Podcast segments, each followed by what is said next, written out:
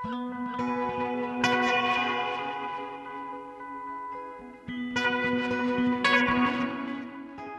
og sæl kæra lustendur, það verða ögn dramatískir undirtónar í viðsjá í dag.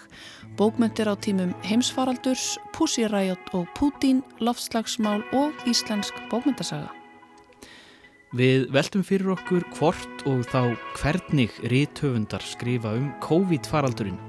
Eru sögur af þessum síðustu tveimur árum farnar að lita bókmyndirnar.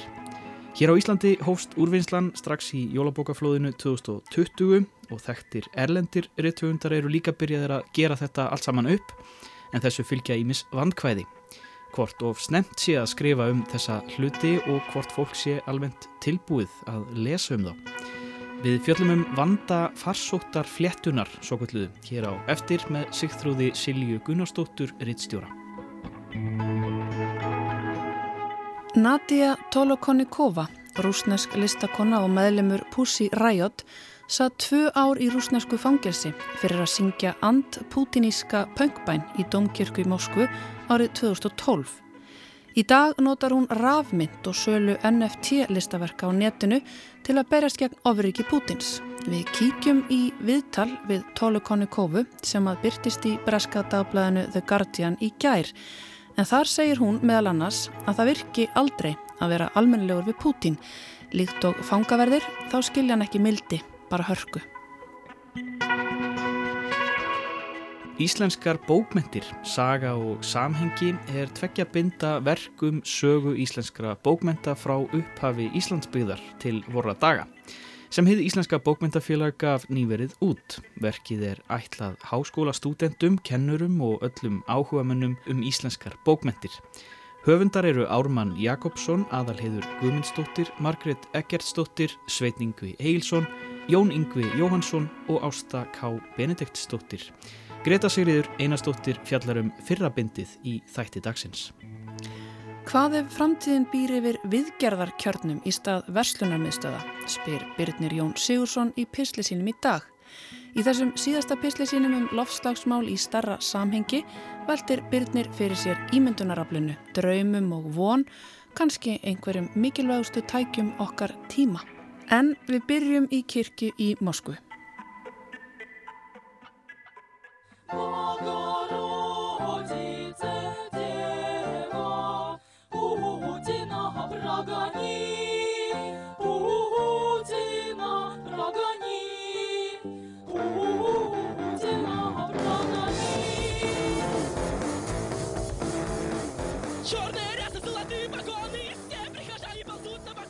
Þetta lag ómaði í domkirkjunni Moskvu þann 17. ágúst 2012 þegar rúsneska pöngsveitin Pussy Riot tók yfir alldarið.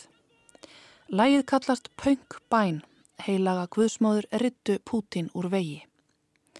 Gjörningurinn vakt ekki aðeins aðtikli í Rúslandi Pútins heldur um alla heimsbyggðina og meðlimum hljómsveitarinnar, þremur ungum konum, var öllum hent í fangelsi. Heimurinn fyltist agndofa með þessum ungu reyðu konum sem þorðu að mótmæla Pútín og komandi uppákomur sveitarinnar hafðu vist skemtanagildi fyrir fréttamila heimsins. Árangurinn var náð, skilabúðin komist í gegn, en fáir kannski skildu hversu mikið var í húfi fyrir listakonurnar. Það sátu í fangelsi í tvö ár, fóru í hungurverkfall og heimurinn skrifaðendur ákall Amnesty International um að leysa samviskufangana úr haldi.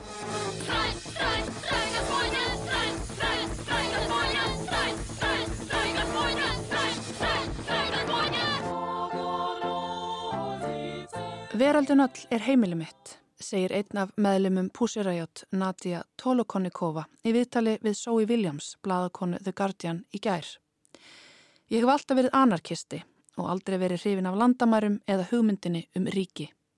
Tolokonikova gefur bladakonu Guardian ekki upp staðsendingu sína í viðtalinu, enda stór hættulegt. Hún hefur verið á lista kremlar yfir óvinn ríkisins frá því að hún var list úr fangilsi 2014. Það er ekki aðeins þeir sem að mótmæla ofinberlega sem fá fangelsistóm í Rúslandi í dag. Heldur geta allir almennir borgarar sem svo mikið sem nefna orðið stríð farði alltaf 15 ára fangelsi sangkant ný undirrituðum lögum. Það hefur samt ekki stöðvað hugrakka rúsa í að fara út á götu og mótmæla undanfarna daga og það hefur heldur ekki stöðvað Nadju Tolokonukovu og aðra úr samfélagi aktivista og listamanna sem að nýta sér rafmynd til að sapna peningum fyrir hjálparsamtök til dæmis með sölu á NFT listaverkum á netinu. Hópurinn sem að Tolokonikova er hluti af kallar sig Ukraín DAO og hefur sett á netið NFT-verk sem er ekkert annað en mynd af ukrainska fánanum og öllum er frjálst að bjóða í myndina með rafmynd. Hópurinn sapnaði rúmum 7 miljónum dollara á 5 dögum og allur ágóðin rennur beint til hjálparsamtaka sem að kalla sig Come Back Alive eða Komið Heil Heim en þau hafa allt frá síðustu innrás Pútins í Úgrænu 2014 stutt úgrænska herin. Tolokonikova segist vera algjörlega sannferðum að aktivismi sé það eina sem hjálpa okkur að halda geðhelsunni á slíkum stundum. Það sé ekki hægt að horfa upp á slíkar aðgerðir og gera ekkert. Sjálf segist Tolokonikova lifa í stöðugum óta vegna árásarinnar á Úgrænu. Ég græt alla daga, segir hún í viðtælinu. Þetta er allt svo tilgangslöst og algjörlega órögrétt. Þetta eru hamfarir sem munu taka þúsundir lífa. Heimurinn hefur hort upp á gjörðir Pútins eins og gráðugir hræsnarar. Menn hafa sagst ekki taka afstöðu með Pútin og einræðist tilbyrðum hans eða árásunum sem hann hefur gert hinga til á nágrannaríki. En á sama tíma eru allir í viðskiptum við hann. Engin var til í að elda peningana og spyrja sig hvernig rúsnesku ólíkarkarnir livðu í listisemdum í Evrópu og að Miami. Þetta er heimska, segir Tóli Konnikova og rifjar upp hvernig þær í Pussy Riot reyndu að vara valdamenn heimsins við eftir að þær losnuður fangelsi 2014. Það rættu við breska þingmenn og bandariska þingmenn sem að spurðu hvernig ætti að ræða málinn við Pútín. Við sögum alltaf að eina leiðin væri að vera strángur, segir Tóli Konnikova. Það virkar ekki vera almenlegur við Pútín. Einræðisarar eru eins og fangelsisverðir. Fyrir þeim er mildi veikleiki. Hér talar Tóli Konnikova af reynslu eftir að hafa setið í rúsnesku fangelsi. Hún segir einu leiðina til að berjast við einræðisara vera þá að sína aldrei uppgjöf og hún trúir því að þess vegna sé enn von fyrir Ukrænu. Ukrænumenn séu greinilega tilbúinir að berjast fram í rauðan döiðan en það sama ég ekki við um rúsneska herin. Sjálf segist hún ekki enn hafa jafnað sig á fangelsisvistinni þar sem hún var slitinn frá dóttur sinni, látin vinna ómanniskjulegan vinnutíma og þóla ofbeldi, fangelsisvarða og annara fanga. Hún glýmir enn við þunglindi og áfallastreitu en það hefur samt ekki stöðvað hana í að halda áfram barátunni við Pútín. Og barátunni heldur Tóli Konnikova áfram með hjálp tækninar. Á undanförnum árum hefur hún í samstarfiðin ímsu samtök safnað háum fjárhæðum í rafmynd fyrir ólík málefni. Þrátt fyrir að hafa haft miklar evasemdir um rafmynd til að byrja með, sem hún hafi séð sem enn eitt leiktæki hinnar ofuríku, þá segir Tóli Konnikova að það hafi komið í ljós hversu áhrifaríkt tæki rafmyndin sé í hverskins aktivisma og andspyrnu. Rafmyndin sé eðlisínu laus við stopnanir og ríki sem notfæri sér regluverk til að taka sínast neyð af kökunni. Tólikonu Kófa er samt meðvituð um að það sé langt í land í Rúslandi. Aktivismi skilir sér, skref fyrir skref, en til að losna við Pútín þurfum miklu meira til. Miljónir manna þurfi að fara út á götu og ekki hætta að mótmæla fyrir hann að Pútín sé farin. En það sé augljóslega stór hættulegt. Pútín er klikkaður, svo klikkaður að hann geti ráðist á sitt eigið fólk. Ég skil fullkomlega að fólk skuli halda sig heima segir Tóli Konnikova, sem þó trúir því að Pútin sé að grafa sína eigin gröf þessa dagana. Og það sjáist fyrst og fremst á ólíkörkum sem áður stuttu hann en sem nú tala ofinberlega gegn stríðinu. Það hafi ekki gerst áður og hljóti að þýða eitthvað. Það eina sem við getum gert er að vona.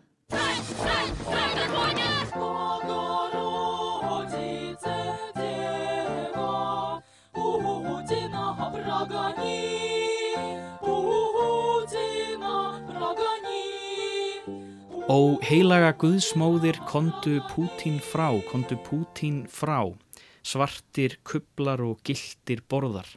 Sóknar börnin bukta sig og beigja. Heilaga Guðsmóðir, vertu feministi, vertu feministi, syngja Pussy Riot í læginu Punk Bæn. Heilaga Guðsmóðir, ryttu Pútín úr vegi. Lag sem þær fluttu í domkirkjunu í Moskvu þann 17. ágúst árið 2012 og hlutu í kjölfarið fyrir tveggja ára fangelsistóm. En frá ansbyrnu við stríð Pútins höldum við í allt aðra sálma. Íslenskar bókmentir, saga og samhengi er tveggja binda verk um sögu íslenskra bókmenta frá upphafi Íslandsbyðar til vorra daga sem hefði Íslenska bókmentafélag gaf nýverið út. Greta Sigriður Einarstóttir fjallar nú um fyrra bindið af tveimur. Árið 2010 satt ég áfangan Íslenska bókmentasögu í námi mínu í almennri bókmentafræði við Háskóla Íslands. Á leslistanum var verkið Íslensk bókmentasaga í fimm bindum. Ef ég man rétt var okkur sett fyrir að lesa cirka 300 blaðsýður fyrir hvert tíma. Ég lagði á minnið sex flokka bragarháta í einhverjum fortbókmentum og lærði munin á ryttarasögum og ævintýrasögum. En ég verða viðurkenna að ég hef aldrei verið alveg 100% með það á hreinu hvað dróttkvæði eru. Síðan þá hefur mikið vatn runnið til sjávar. Mikil rannsókavinna verið stunduð og ýmsar nýjar kenningar komið fram. Í ár kom svo útritið Íslenskar bókmentir, saga og samhengi. Íslensk bókmentasaga í tveimur bindum skrifið af sex höfundum. Hvers vegna er verið að gefa út nýja bókmentasögu? Hverju bætir þessi útgáfa við þau yfirgripsmiklu verk sem fyrir liggja? Og hvað, nákvæmlega, eru dróttkvæði? Ég kom mér fyrir með fyrra bindið af íslenskum bókmyndum, saga og samhengi og hóf lesturinn. Bókinni er skipt í tvær myndarlegar kiljur og áður en lengra er haldið er rétt að minnast á hönnun og frágang bókarinnar. Í yngangi kemur fram að verkið er ekki síst ætlað yngri lesendum og það endurspeglast í útliti bókana. Þar kemur einnig fram að hönnuður bókarinnar hafi verið stór þáttur í ferlinu og það er augljóst þegar maður horfir á grepin. Hönnunin er nýstorleg og hugmyndarík en kallast líka á við hefðina. Það er ekki hlaupið að því að myndskreita bók um bókmyndasögu en Snæfríði Þorsteins og Hildigunni Gunnarsdóttur tekst að gera bókina litrika og forvitnilega og leika sér með myndir af handreitum og tekstum. Sumar af hugmyndunum hitta í mark og aðrar ekki og ég rak mig fljótt á að einn sérvískan í hönnuninni hefur óvænt áhrif á lesturinn. Jæðarinn á blaðsíðum bókarinnar er ekki slettur eins og maður á að venjast heldur riflaður. Þetta gefur áhugavert yfirbræð, kæruleysislegt á mjög viljandi hátt eins og fyrirfram ripnar gallaböksur, en mér var lífsins ómögulegt að fletta bara einni síðu í einu. Þetta er smáadreiði sem allir mér erfileikum, því þegar ég var að reyna átta mig á floknum tengslum biskupa og stórbænda á 14. öld, kom stundum fyrir að mesti miskilningurinn fólsti því að ég hafi sleft hilli opnu þar sem útskýringarnar komið fram. Ég var heldur ekki mjög hrifin af letrinu í meginmálinu, fannst það heldur þygt til að vera þægilegt í lestri. En óvísendaleg könnun leti í ljós skipta skoðanir. Engverjir voru sammála mér og fannst óróleikin í letrinu ekki hjálpa lestrinum, meðan aðrir voru fegnir að fá bók með breyðu og skýru letri. Sitt sínist hverjum. En að innihaldinu. Í dag tek ég fyrir fyrra bindi ritsins sem fjallar um bókmæntir Íslandinga frá upphafi og fram til ársins 1750. Þessu tímabili er skipt upp í nokkra kabla og er ritað af þremur höfundum. Í fyrsta hluta fjallar Ármann Jakobsson um tilurð íslenskra bókmenta. Hér kemur strax fram ástæða þess að undirtitillin er Saga og samhengi.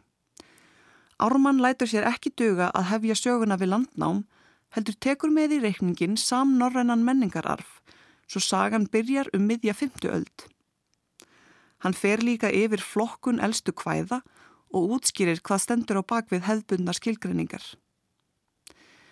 Mikið af því sem við teljum okkur vita um eldstu bókmentir Íslandinga eru ágiskanir fræðimanna í gegnum tíðina.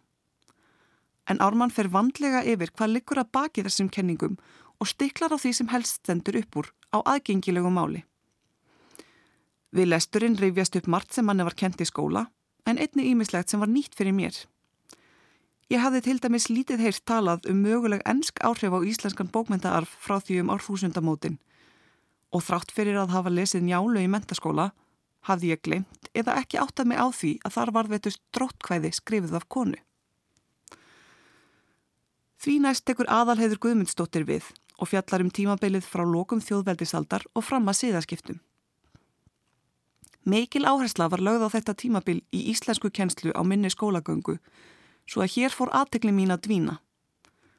Ekki hjálpaði til að tekstin í þessum kapla er þurrari en í þeim sem fór á undan. En aðalheður varpar ljósi á hluta bókmyndasögunar sem ég hafði ekki heyrt mikið um áður. Kaplinum mannsöngvana var mjög áhugaverður og rimna hefðin öll reyndar. Hér má líka aftur nefna að hven skáld eru nefnd til sögunar sem ég hafði sjaldan heyrt minnst á. Auk þar sem fjallað er um þær sem lesendur, sagnapersonur og unnendur sagna á hvæða, jafnvel heitla bókmyndahefða. Svo var áhugavert að sjá fjallaðum hlut dans og tónlistar í varðveislu á íslenskum bókmyndaarfi. Ég hafði sérstaklega gaman af fyrstu orðanum í kabla Margreðar Eggertsdóttur sem fjallar um tímabilið frá siðaskiptum og fram að upphafi upplýsingaraldarinnar um 1750. Þar gengst hún við því að bókmyndir þessa tíma hafi aflað sér þess orðspórs að vera alveg dref leiðinlegar. En jáfnframt leggur hún sig fram við að sína fram á að bókmyndasaga þessa tímabils er flóknari en svo að einungis sé um að ræða nýjar prentanir af salmabókum. Áhugavert fannst mér að lesa um opinberu og óopinberu bókmyndir þessa tíma annars vegar það sem fært var á prent og hitt sem varðvetist einungis í handritum en fólk skrifaði þau gerðan upp aftur og aftur eftir að papirinn kom til sögunar. Hér er fjallað um sagnadansa og barnagælur sem varðveitist mikið til í munlegri geimt og þá helst meðal kvenna. Hér er einnig fjallað um fyrsta nafngrenda skáldið sem orti fyrir börn á Íslandi undir lok 16. aldar og fyrstu landkynningarritin á 17. öld. Þróunin á Íslandi er svo jafn óðum sett í samhengi við þróunina í Evrópu. Í ljósi upphafsorðana á Margret heiður skilin fyrir þennan kabla sem ég fannst að lokum sá áhugaverðasti í bókinni. Svo hvað hefur hinn nýja bókmyndasaga þá fram að færa? Í fyrsta lægi má ljóst vera að sögurskoðanir breytast reglulega og þá þarf að skrifa söguna aftur. Það kom mér á óvart hvað það glætti mig að lesa um bókmyndasögu sem gerir ráð fyrir fleiri þjóðfélagshópum en prestum mentuðum í kaupmanahöfn. Konur voru og eru hluti af bókmyndasögu þjóðarinnar. Kanski ekki oft sem höfundar en þær voru þó til staðar. Það eru talsvert fleiri konur nefndar til sögunar í þessu bindi verksins en voru á prófinu sem ég tók í íslenskar bókmyndasögu í byrjun síðustu áratugar. Einnig er hér fjallað um konurnar sem pöntuðu bækur, lásu yfir og nutu bókmynda. Þar að auki er fjallað um bókmyndir fyrir börn og sögur og hvæði sem þjóðin skemmti sér við og var hluti af menningu þeirra. Ég verða viðurkenna að eftir lesturinn er ég ekki endilega miklu nærum dróttkvæðin. En nú veit ég meira um mannsöngva og áhrif norræfnar pólitíkur á bókmyndathróun miðalda. Ég veit að önnur hver persona í bókmyndasögu Íslands hitt gissur og að algeng leið til að senda lausláta presta í skammarkrókin var að gefa þeim brauð í grímsei. Ég veit að konur voru virkir lesendur á þessum tíma og að heilu bókmyndastefnunum var haldið úti þar sem það fjall betur að þeirra smekk. Ég veit hvenar pappirinn kom til Íslands og að handreitin heldu áfram að vera til þó að prenti kemi til sögunar. Ég hef aðeins betri skilning á samfélaginu sem las og skrifaði í landinu á meðan á landnámi, kristnitöku, styrlungaöld, svartadauða og síðaskiptum stóð. Ef ég gæti bara flett einni síðu í einu, væri ég hæst ánæð. Sáði Greta Sigriður Einarstóttir um nýja útgáfu hins Íslenska bókmyndafélags á sögu Íslenskra bókmynda. Greta Sigriður fjallaði hér um fyrrabindið af tveimur en hún með fjallaði um það síðara í næstu viku. En uh, áður lengra er haldið ætlum við að setja eitt lag á fónin mikið rétt. Það er lagið Dream Team Party Kids. Þetta er gamalt og gott frá þeim Sólei Stefáns, Sindram á Sifúsinni og Örvari Smárasinni af plötu þeirra Team Dreams frá 2017.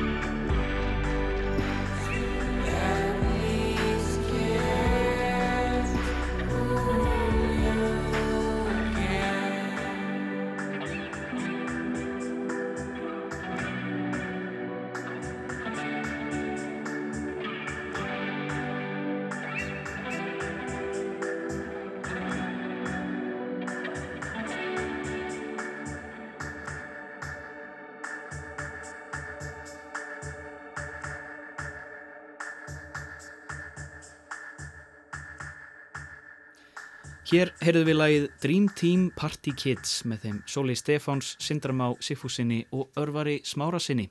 Gammalt og gott lag af plötu þeirra Team Dreams frá 2017. Sólei held einmitt tónleika í hörpu í fyrrakvöld sem voru hluti af myrkum músikdögum en myrkir músikdagar standa einmitt fram á sunnudag. Bára Gísladóttir verði með tónleika í Hallgrímskirkju lögudaginn 12. mars klukkan 8 og hún verður gestur okkar hér á morgun. Já, en uh, þá er komið að Byrni Jóni Sigursenni. Hann hefur verið að fjallum lofslagsbreytingar í starra samengi hér í Vísjá. Í þessum síðasta pisli sínum þá veldir Byrnir fyrir sér ímyndunaraflinu, draumum og von. Kanski einhverju mikilvægstu tækjum okkar tíma og hann spyr meðal annars hvað er framtíðin býr yfir viðgerðarkjörnum í stað verslunamiðstöða? Ég stend á svölum í fjölbílishúsi með ilmandi tebólla í hönd. Teð er úr blóðbergi sem ég rækta á svölunum. Það loðir dögg við bleik blóminn, ég er berfættur í grasinu og horfi yfir Reykjavík sem minnir ekki lengur á borg. Millir trjástofna og innan í runnum eru stórir gluggar húsa. Þökin, þakin, byrkikerri og strætisvagnar líða hljóðlátir í gegnum gróðurgöng sem tengja húsinn. Fuglar eru allstaðar. Ég flegi brauðmilsnu niður á gróðurinn og fylgist með tistandi skaranum tína hana í sig. Á jörðinni gengur fólk eða hjólar, í skólan, í vinnuna, búðina. Stöku sendibíl, strætó og legubíl. Sólinn er nýreysinn og vaskufa stýgur upp úr skógi í þakinni borginni. Ég anda að mér ferskleikanum. Ilmvöndurinn er eins og barmafullt vasklas af vori. Ég er í skjóli, veðurfarslegu, andlegu, í borg í faðmi náttúru. Ég er stattur í draumi. Í þessum draumi er Ísland gróið með fjölbreytta dýraflóru, en hvergi er eins mikið líf og í borgunum vegna þess að maðurinn er segull á jarðveg. Hingað eru flutt hundruð tonna af mat á degi hverjum og öllum næringarefnunum sem eftir verða er safnað saman. Hér er besta moldin, stærstu plöntunar í mesta skjólinu. Skordýr eru út um allt og fugglar njóta þeirra. Í þessum draumi eru borgir ekki döðreinsaðar heldur safna lífi, plöntum, fugglum, köttum, refum, sveppum, skordýrum. Ekki steiftar eðimerkur heldur yðandi vinjar. Samhengi loftslagsbreytinga er ómögulegt að ná utanum en nálgurinn sem ég hef sett fram í þessari pislaröðum þær er einföld og horfur til nokkura huglegra stólpa. Við þurfum að horfa til þess hver ber ábyrðina og þrýsta á að þeir ábyrðar aðilar axli þá ábyrð. Nálgast þarf loftslags aðgerðir sem tækifæri til framfara en ekki fórn á nútíma þægindum og við þurfum að hverfa frá gildum nútímans sem orsakar ofnýtingu og móta samfélag sem grundvallast á meiri gesku gagvart umheiminum. Að móta samfélag gesku, það er fallegur draumur. Þennan loka pistil tilenga ég ímyndunaraflinu, draumum og von, einhverjum mikilvægustu tækjum þessara merkustu tíma mannkinsögunar.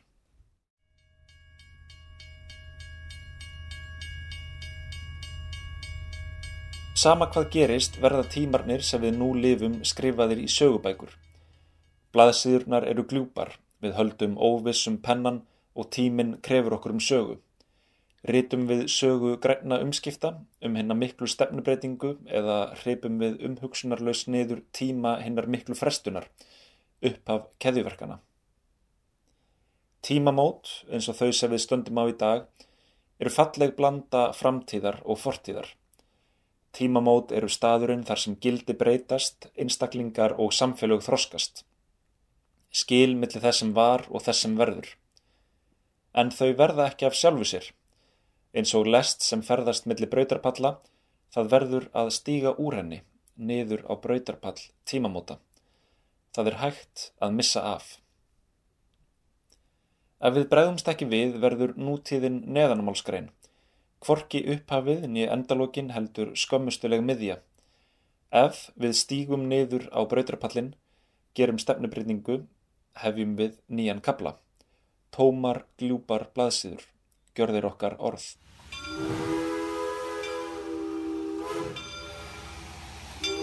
Á brautarpalli tímamóta tekur ímyndunaraflið á mótu okkur, eins og gamall kunningi. Á tímamótum opnast möguleikar á veruleikum sem okkur hefði ekki getað dreymt um. Á tímamótum getum við sagt skiliði við hingað til ómissandi hluti og getum tekið á móti veruleika sem hingað til var óhugsandi. Þar geta ímyndaðir hlutir orðið sannir og fyrrum sannir hlutir gömul minning. Þessi gamli kunningi sáir fræjum sem eru hugmyndir. Þessar hugmyndir geta vaksið, orðið sprotar sem stækka og gildna smátt og smátt. Og ef nógu mörgum hugmyndum er sáð í nógu frjóan jarðveg, vex þar upp nýtt lífriki veruleika. Fræ verður skóur. Í samfélagi dagsins í dag sjáum við nú þegar sprota græns veruleika stinga upp höfðinu hér og hvar í samfélaginu. Ringrásarverslanir, jarðvegsgerð, örflæði, samgöngur. Alls ekki fullvaksta plöntur en vænlegir sprotar. Ég elst upp í heimi þar sem ekkert var lagað, nýtt, keift og gömlu hent. Í dag sé ég nokkra græðlinga sem gætu orðið upphafið að framtíð þar sem verkstæði, skósmiðir, saumastofur gætu orðið algengari en verslanir. Hvað ef framtíðin býr yfir viðgerðarkjörnum í stað verslunarmiðstöða?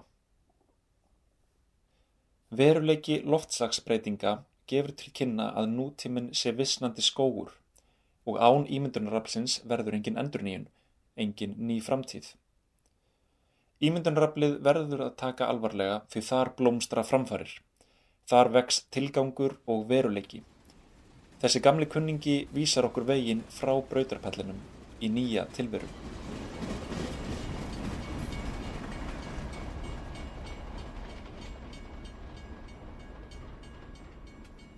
Ævintýri æskuminnar voru uppfull af landkönnuðum, gullgreftri, ljónum og fílum. Í dag er landkönnun lokið, gullnámur, engavettar og hinn stóru dýr Afríku eru í útrýmingarhættu. Ævintýri æskuminnar urðu að sorglegri sögu gullæðis sem skildi eftir sig draugabægi, ruslahauga, sár á jörðu og sál. Nýja ævintýri mannkins mun ekki innkennast af því hvernig maðurinn uppgöt var heiminn og temur hann. Nýja ævintýri mannsins snýst um að sleppa kirkingartakinu sem hann hefur á umhverfi sínu. Það snýst um hvernig maðurinn uppgöt var smátt og smátt að það sem hann leitaði að, fegurðin sem hann vildi finna í fjarlægum löndum, er allt í kringum hann. Nýja ævintýrið er ævintýrið um mannin sem hætti að kveða sér hljóðs og byrjaði að hlusta. Það fjallar um dauða græðginnar og upprisu geskunar um samfélag sundurleitra gullgrafara sem grófu loks stríðsaksirnar fyrir jörðina, um mannin sem varðaloksinn sáttur í eigin skinni. Í þessu nýja ævintýri erum við skáldið, gjörðir okkar orð. Við höldum óvissum pennan og kringum okkur sprett upp brenninettlur og nýtjajurtir. Hvort skrifum við upp nýtt ævintýri mannkins sem dansaði í sjálfbærum rithmað við umhverfi sitt eða sósjál-realíska tragedíu aðgerðarleisis. Við stöndum á brautarpallinum, gamall kunningi okkur við hlið. Á bakvið okkur hlikkjast teinar fortíðar með öllum sínum beigjum, jarðgöngum og brúm. Þaðan sem við komum ángar loftið af sætum reik, ólíja, sót, malbygg. Lestinn pústar, þeitir flautu. Margt undurfallegt hefur orðið af leið okkar og margt hrikalegt, farþegar margvíslegir. Útdauðar dýrategundir liggja í brautarkantinum og þessi sæti reykur leggst ofan á fortíðina eins og malandi skrýmsli. Við snúum okkur fram, horfum áfram veginn og sjáum hvernig hann brotnar upp í marga litla stíga sem tvistrast hingað og þángað inn í þókuna. Framtíðin er alltaf sveipuð þóku. Hún er ótrygg, leiðin óþægt en einhver staðir í fjarska glitra ljósgeistlar sem kljúfa þókuna, hlýjir á kinnunum. Það eru geistlar af draumi. Við finnum þunga bakpokan skrafa axlarólarnar í herðar okkar. Ógnvænlegur vindur hefur sig á loft og ræðst að okkur en við flýjum ekki í skjól. Við breyðum út faðminn og tökum hann í fangið. Finnum kraftin þegar við skinnjum eigin styrk. Við finnum hvað við erum heppin að vera akkurat hér akkurat núna, við erum fólkið sem markar leiðina. Draumar eru leiðarljós og sprotar hugmynda ljós til lífa drauma. Við munum hrasa um hólur og fara vegleysur. Við fyrstu sín virðist leiðin ófær en draumar leiða í ljós útfærslur og stíga. Við munum koma manni til tungsins, sagði fórseti bandaríkjana, án þess að vita hvernig það erði gert. Ég á mér draum, sagði Martin Luther King. Hann sagði ekki, ég þekki leiðina. Í upphafi þessa pistils lísti ég draumi sem ég á um skójivaksna Reykjavík. Þegar ég byrja að hugsa um hvaða skref þarf að taka til að útfæra slíka borg, kem ég strax auga á alls konar vandamál, skorta á fjármagni og samvinnu til dæmis. Alls konar ómöguleika sem stangast á við vennjur, höfðir og reglugerðir en ég læt drauminn skína og fræ ímyndunaraflsins stinga upp höfðinu til móts við hann. Það merkilega við drauma er að þeir eru einungis það, draumar, þanga til þeir rætast. P.S. Þegar ég rita þennan pistil er ég stattur í Finnlandi. Finnland deilir hundruðum kílometra landamæra með Rúslandi og rússar eru nýbúnir að ráðast inn í Úkrænu. Mér þykir förðulegt að rita um drauma og ímyndunarafl þegar stríð geysar. Það virðist svo lítilvægt. Stríð er þess eðlis að það skikkir á allt annað. Stríð kæfir drauma, bælir ímyndunarafl og myrkvar framtíð, eins og svart óveðurski. Stríð er ekki einungis árás í efnisheimi, heldur rænir það huga og hrifsar til sín von. Stríð er fólskuleg árás valdhafa á það sem okkur finnst mestu máli skipta, á vinskap, virðingu, ást, lífið í allri sinni dýrð. Líf íbúa, herrmanna, ættingja, vina. Stríð smækkar mennsku og rýfur heilagleikan. Á slíkum tímum er auðvelt að sleppa draumum sínum og deyfa ímyndunaraflið. Það er auðvelt að frjósa frammi fyrir slíku óveðri en það má aldrei missa sjónar á draumnum um framtíðina. Þá villumst við.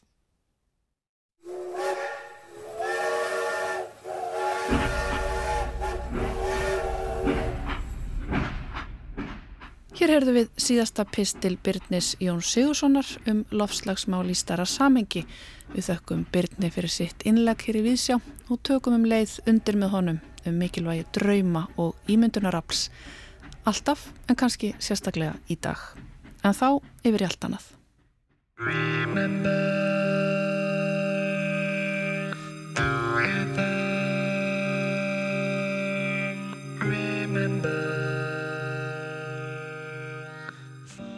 Í miðjum átökum skipta bókmyndir engu máli. Ljósmaðurum er samum bókmyndir. Barninu er samum bókmyndir. Hermunum og sprengjum og skriðdryggum er sama um bókmyndir. Það er verða til síðar. Það er skipta máli síðar. Þegar það er andrými til að hugsa, tala um, skilja, setja í samhengi, setja í nýtt samhengi, vinna úr, greiða úr og skapa úr.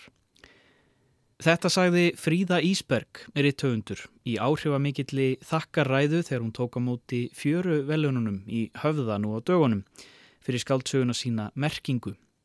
Og í kjölfarið revjuðust upp þau ótalskipti sem ég hef sjálfur heyrt einmitt þetta, að bókmentir og listir yfir höfuð verði bitlaus og smá þegar að stóri hlutir gerast og heimurinn brennur. List verður aldrei eins berskjölduð og þegar okkur finnst raumurleikin stærri eða hræðilegri. En eins og Fríða bendir svo réttilega á, skipta bókmentir mestu máli eftir á þegar rikið er sest og fólk þráir að finna frásagnir, skýringar og samhengi. Til þess að átta mig aðeins betur á þessu, hvernig rítöfundar kljást við stór veralleg málefni, fekk ég til mín Sigþrúði Silju Gunnarsdóttur, rittstjóra hjá forlæginu. Sigþrúður, verðu velkomin. Takk. Eh, þú hefur starfað lengi sem rittstjóri og þú hefur eflust séð ímislegt eh, kom og fara, ströma og stefnur og, og viðfangsefni höfunda. En það er, þegar svona raunverulegir atbyrðir gerast, þá hugsa maður auðvitað að þetta hlýtur að síjast í gegnum bókmyndirnar. Hefur þetta verið tilfellið svona á þínum ferlið sem rittstjóri? Sko, já, höfundar náttúrulega litast óhjákvæmilega af því sem er að gerast í kringum þá. Um, en sjálfnast jafn beint og maður kannski myndi búast við. Um, það er eins og stórir heimsviðbyrður séu kannski stundum of stórir, of yfirþyrmandi til þess að fjalla um þá beint eins og maður býst við og eins og stundum gert í sko, uh, jáfnvel frekar í, í kvikmyndum og sjónvastáttum uh, en það er svo bókmyndirnar uh, veigri sér við að takast á við stóru hlutina algjörlega bara að framann, eða þú veist, bara sem slíka. Um, en ef maður myndi rína í bókmentir sem eru skrifaðar á tímum eða strax eftir tíma þar sem eitthvað meira hattar hefur gengið á, þá held ég að maður finni þess merki um, að það hafi haft áhrif á efnisval eða, eða umhverfi eða, eða annað í skaldsugum. Eftir bankarhunnið sem dæmi voru margir sem byggust við holskeplu af hrun bókmentum. Við býðum öll eftir stóru hrun skáldsögunum, eitthvað sem virkilega tæklaði bara búsahaldabildinguna og, og fólk að missa heimili sín og, og lánað umbreytast. Mm. Þær komu ekki. Veist, jú, það var fjallaðum, auðvitað var fjallaðum hrunið í alls konar skáldsögum, en það var kannski meira í bakgrunni, gjarnan í, í kannski sakamálasögum eða eitthvað þar sem að sko, umhverfið, uh, þar sem umhverfið sköpunin skipti miklu máli og þjóðfélagsmyndin, um, en fagurbókmyndahöfundarnir Um, skrifið ekki beinlínis eða fæstir þeirra beinlínis um hrunið mm. uh, en það litaði hins vegar efnisvalið og það, það hafði áhrif á, á sennilega allan skaldskap sem var skrifaður á árunum þar og eftir. Heims viðburðir geta verið svo stórir að það reynist erfitt fyrir rittöfunda að gera þeim skil í fagurbókmyndum. Kannski er þetta bara erfitt viðfangsefni Já. fyrir fagurbókmyndir, virkilega yfirþyrmandi stórir heimsviðburðir. Uh, við höfum oft talað um hvað þessi sérkennlegt, hvað spænska veikin uh, er lítið sínileg í bókmyndum. Mm. Hún líka gekk um allan heim. Uh, hér á landi, þú veist, skaldsaga eftir Gunnar Gunnarsson sem kemur út hérna ekki löngu eftir Sælur eru einfaldir. Síðan er valla neitt fyrir sjón skrifar um þessa eða notar þessa atbyrði sem bakgrunn í mánastegin næstum hundrað árum síðar. Og kannski þurfum við bara ofsalega langan tíma til að melda svona hluti áður en við getum fjallað um þá í fagurbókmyndum. En, en hins vegar sko breyta þeir afstöðu höfunda og hafa áhrif á það hvernig þeir skrifa um hlutina. Þannig að já, þetta er ofbúslega lúmst eins og þú segir uh, og, og skila sér með óvæntum hætti Þú veist, ég hugsa um áhrif hrunsins á til dæmis bæði konur Steinas Braga og gæsku Eiríks Arnar Nordal. Mm -hmm. uh, hvoru þeir er að fjalla um hrunið, en hvoru þeir að hefði verið eins og hún er án þess.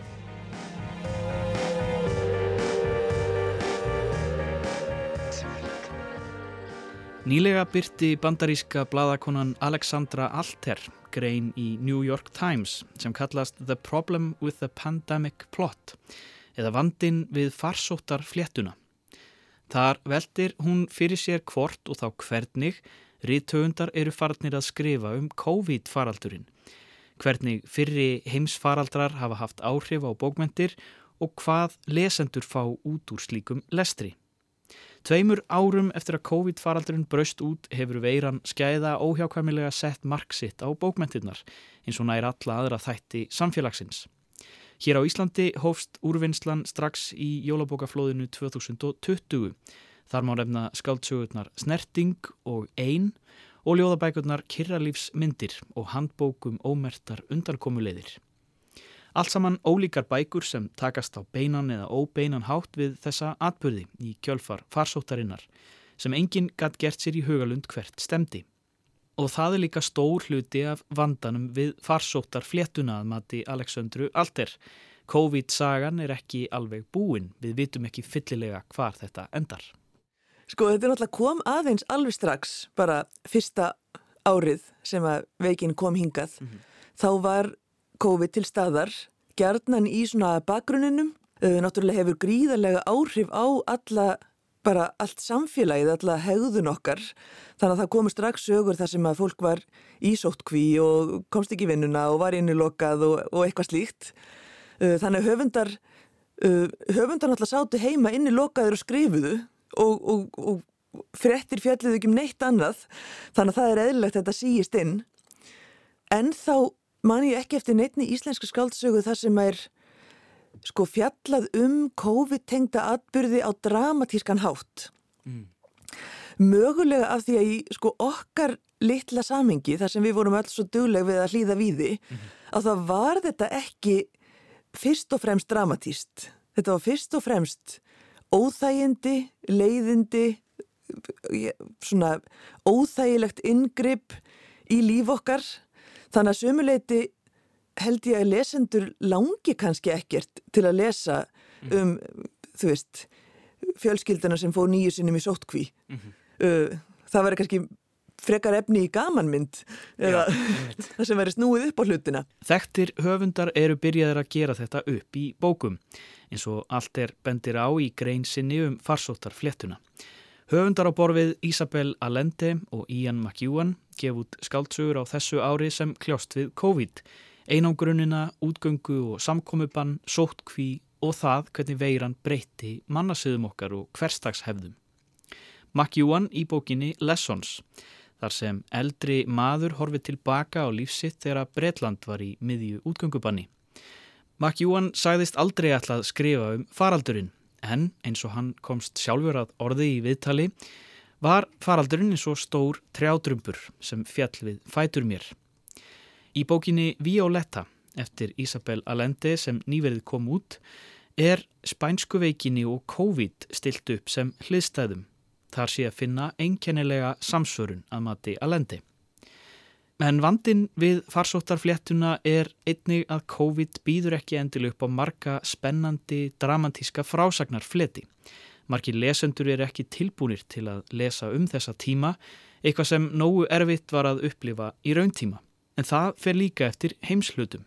Að mér vitandi hefur engin sko, verið í þeim spórum að vilja ráðast á skeppnuna beint eins og hún er. Uh, hins vegar hefur samtali átt sér stað með þær sögur sem hafið í bakgrunnum þá veltum að fyrir sig hversu mikið má það vera að þess að fólk verði beinleins leitt á því. Uh, að því að við erum satt að segja orðin frekar leið á þessari COVID-umræðu eftir tvö ár. Og þar spilar inni eins og ég sagði að hjá okkur hefur hún kannski ekki fyrst og fremst verið dramatísk heldur óþægileg og, og líjandi. Uh, meðan sko ég skil vel að bæði ameríski rítuðundar og, og enskir og, og rítuðundar frá þjóðum þar sem þetta var meira dramatíst hugsi svolítið öðruvísi um þetta. Ég meina það voru fjöldagrafir í New York Já. og ég mann daginn sem að las það í fréttum þá hugsaði maður bara hvar, hvert erum við komin, hvað er að gerast í veröldinni? Og ástandið eins og það var á norður Ítalíu þar sem að sírenutnar glumdu allan sólarhingin og, og fólk dó heima hjá sér vegna þess að það var ekki það komst aldrei á spítala, það fekk aldrei þá þjónustu sem hefði bjargað lífið þess. Mm. Þannig að þar er myndin allt öðruvísi heldur hún var hjá okkur. Þannig að mögulega munu koma uh, erlendaskaldsögur sem tækla það sem er sannarlega dramatíst og, og, og bara sorglegt við þessa uh, þennan faraldur. Það verður áhugavert að fylgjast með hvers konar bókmentir kom upp úr dúrnum eftir COVID-faraldurinn. Fyrir Íslendinga verður sérstaklega áhugavert að kynnast þeim sögum utan úr heimi sem ekki fjalla um smitt, tölur, gröf eða aðrar beinarupplýsingar heldur innilegar frásagnir um reynslu annara. Og þá fáum við kannski insýni við höfum kannski verið mjög upptekinn af að díla við þetta hjá okkur og við vitum kannski ekki nákvæmlega hvað aðra þjóðir voru að kljást við og hvernig þær uh, kröfluðu sig út úr þessu. En skaldskapurinn kemur alltaf á eftir eins og hún Fríða Ísberg sagði svo gáfilega þegar hún tók við fjöruvelununum. Uh, meðan atbyrðir eru yfirstandandi þá skiptir skaldskapur engum máli en á eftir skiptir hann öllu máli. Mm. Að því við náttúrulega vinnum okkur út úr uh, aðstæðum og óvæntum uppákomum og, og hérna, hlutum sem hafa áhrif á lífa okkar. Við vinnum úr þeim eftir á og á laungum, laungum tíma. Mm veist, við erum, við erum ennþá að, og skaldskapurinn um, breytir viðhorfi okkar til löngu, löngu líðina atburða með því að fjalla um þá einhvern veginn öðruvísi heldur en svona hinn almenna sögurskoðun hefur verið. Þannig að skaldskapurinn hefur nóan tíma til að fjalla um COVID, hann þarf ekkit endilega að gera það núna.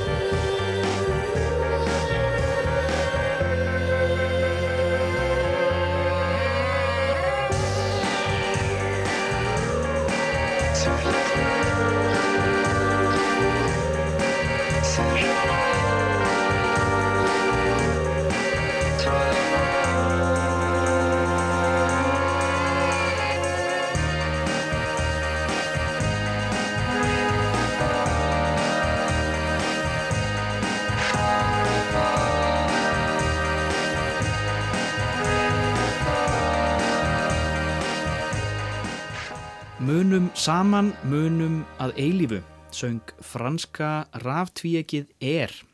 Þetta var lægið Remember sem hljómaði þarna undir vangaveltum um bókmentir á tímum heimsfaraldurs. Um það hvort og þá hvernig rítöfundar skrifa um undanfarin tvö ár í COVID. Það var Sigþrúður Silju Gunnarsdóttir, rittstjóri sem hjálpaði okkur að setja þetta allt saman í skýrara samhengi. Já, og við erum komin að leðalokum hér í Vísjá í dag. Við verðum auðvitað aftur hér á morgun klukkan 16.05. Takk fyrir samfélgina og verið sæl. Verið sæl.